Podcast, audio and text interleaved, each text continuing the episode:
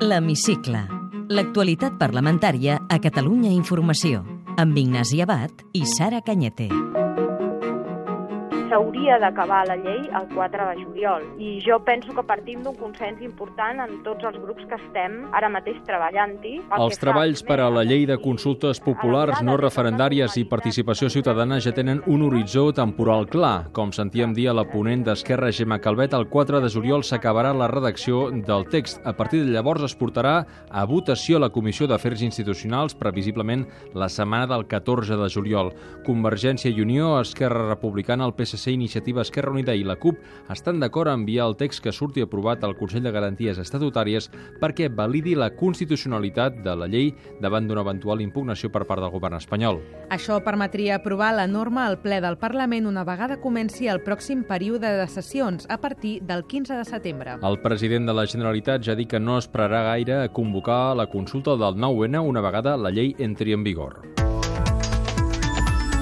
Diversos experts han opinat aquesta setmana en comissió sobre el projecte de llei d'acció exterior de Catalunya. Carles Gasòliva, president del CIDOP. En el preàmbul, jo crec que no es destaca el paper clau de la col·laboració público-privada i el potenciar la col·laboració de l'administració de Catalunya, la Generalitat i les administracions eh, públiques catalanes en aquests àmbits. Senent Florença, president de l'Institut Europeu de la Mediterrània. Potser sí que valdria la pena explicitar una mica més aquest aquestes prioritats sectorials, ja deia, distingir-ho de les geogràfiques i especificar una mica més la importància de la internacionalització de l'economia catalana o de la cooperació al desenvolupament. Bònica Sabata, de la Federació d'Organitzacions Catalanes Internacionalment Reconegudes. Ens atrevem a proposar la creació d'un òrgan de coordinació i interrelació que sigui compartit per les estructures competents del govern, els ens locals, Diplocat i els principals representants de les plataformes que pleguen organitzacions que fan diplomàcia pública al nostre país país. Núria Camps, de la Taula d'Acció Exterior. Descriu força bé el que és l'apartat de la tasca del govern, però hi trobem a faltar una certa presència molt més gran del que seria la cooperació, l'acció exterior, la diplomàcia multinivell. Antoni Montserrat, de la Federació Internacional d'Entitats Catalanes. No hi havia res millor ni més interessant a parlar sobre les comunitats catalanes de l'exterior que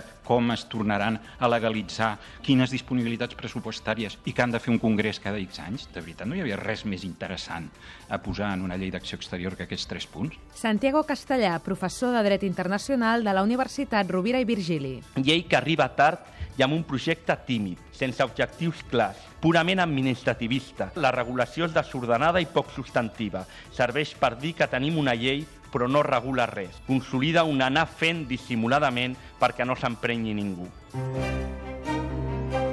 Per cert que a la mateixa caia el diputat d'iniciativa Jaume Bosch va denunciar la retenció palestina de la seva companya de files Sara Vilà. Avui hauria de ser aquí la ponent d'aquesta llei per part del nostre grup i la diputada Sara Vilà porta sis dies retinguda a la franja de Gaza perquè després d'haver-hi anat amb una ONG de suport als pagesos i pescadors de Gaza, les autoritats de l'estat d'Israel no li deixen creuar la frontera. La diputada lleidatana ja ha tornat a casa.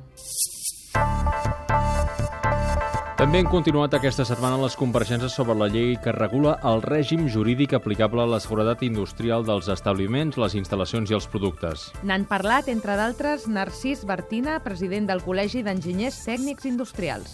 La declaració responsable no contempla o no hi ha cap mecanisme que el contempli la bondat del projecte, la competència i els coneixements dels tècnics i la idoneïtat d'aquell tècnic per fer aquest determinat projecte.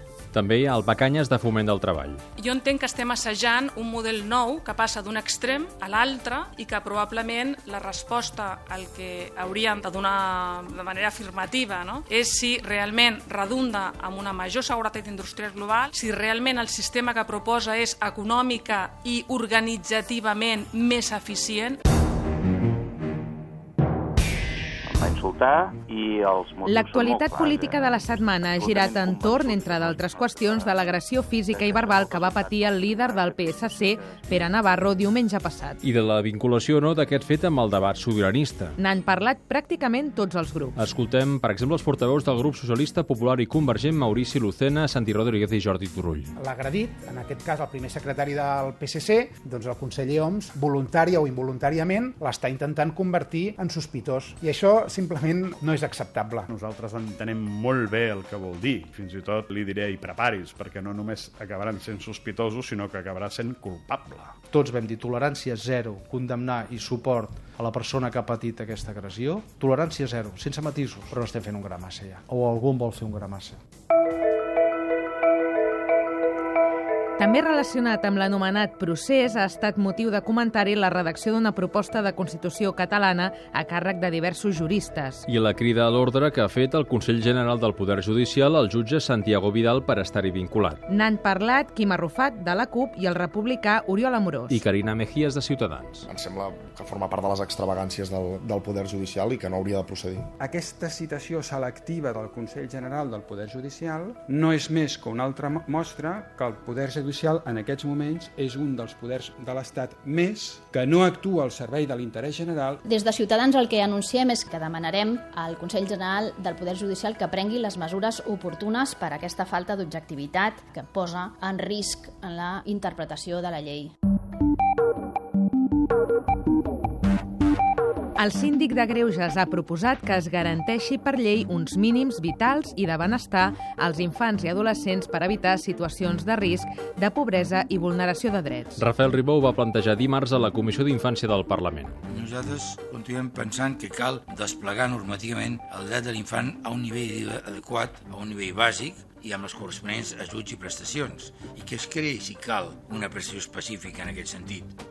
El síndic va lliurar a la comissió dos informes sobre els drets als infants i sobre els infants acollits en família. S'hi van referir diputats de tots els grups. Sentim Laura Massana, d'Iniciativa, i David Fernández, de la CUP. I nosaltres el que vam proposar ja en el debat de la pobresa és que hi hagi un sostre mínim d'inversió i que això no pugui tocar cap govern. I entenem que en polítiques d'infància destinar-hi el 2% del PIB. Els informes del síndic i el seu equip són profundament útils per a la consciència i el canvi en aquest país. El que no tenim tan clar que sigui útil són els respectius governs governs que ens governen. Núria Ventura, del PSC. I ens preocupa que hi hagi vulneració de drets que se'n repeteixin any rere any per desmantellament de serveis eh, a la infància, a l'adolescència, també suport a les famílies, drets dels infants amb alguna discapacitat. Agnès Rossinyol, d'Esquerra. I Anna Soler, de Convergència i Unió. Que és un informe que el que fa és ajudar-nos a detectar allà on hi ha una alerta perquè sobretot no es repeteixin d'un any a l'altre la vulneració dels drets dels infants. La situació a casa nostra és la que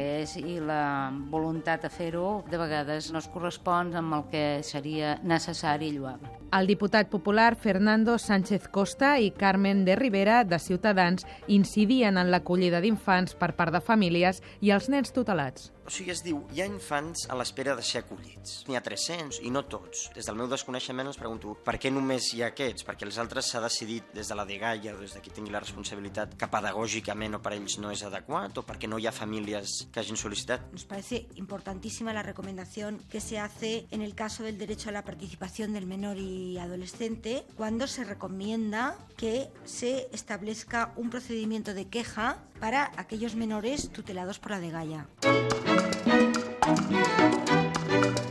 Té la paraula.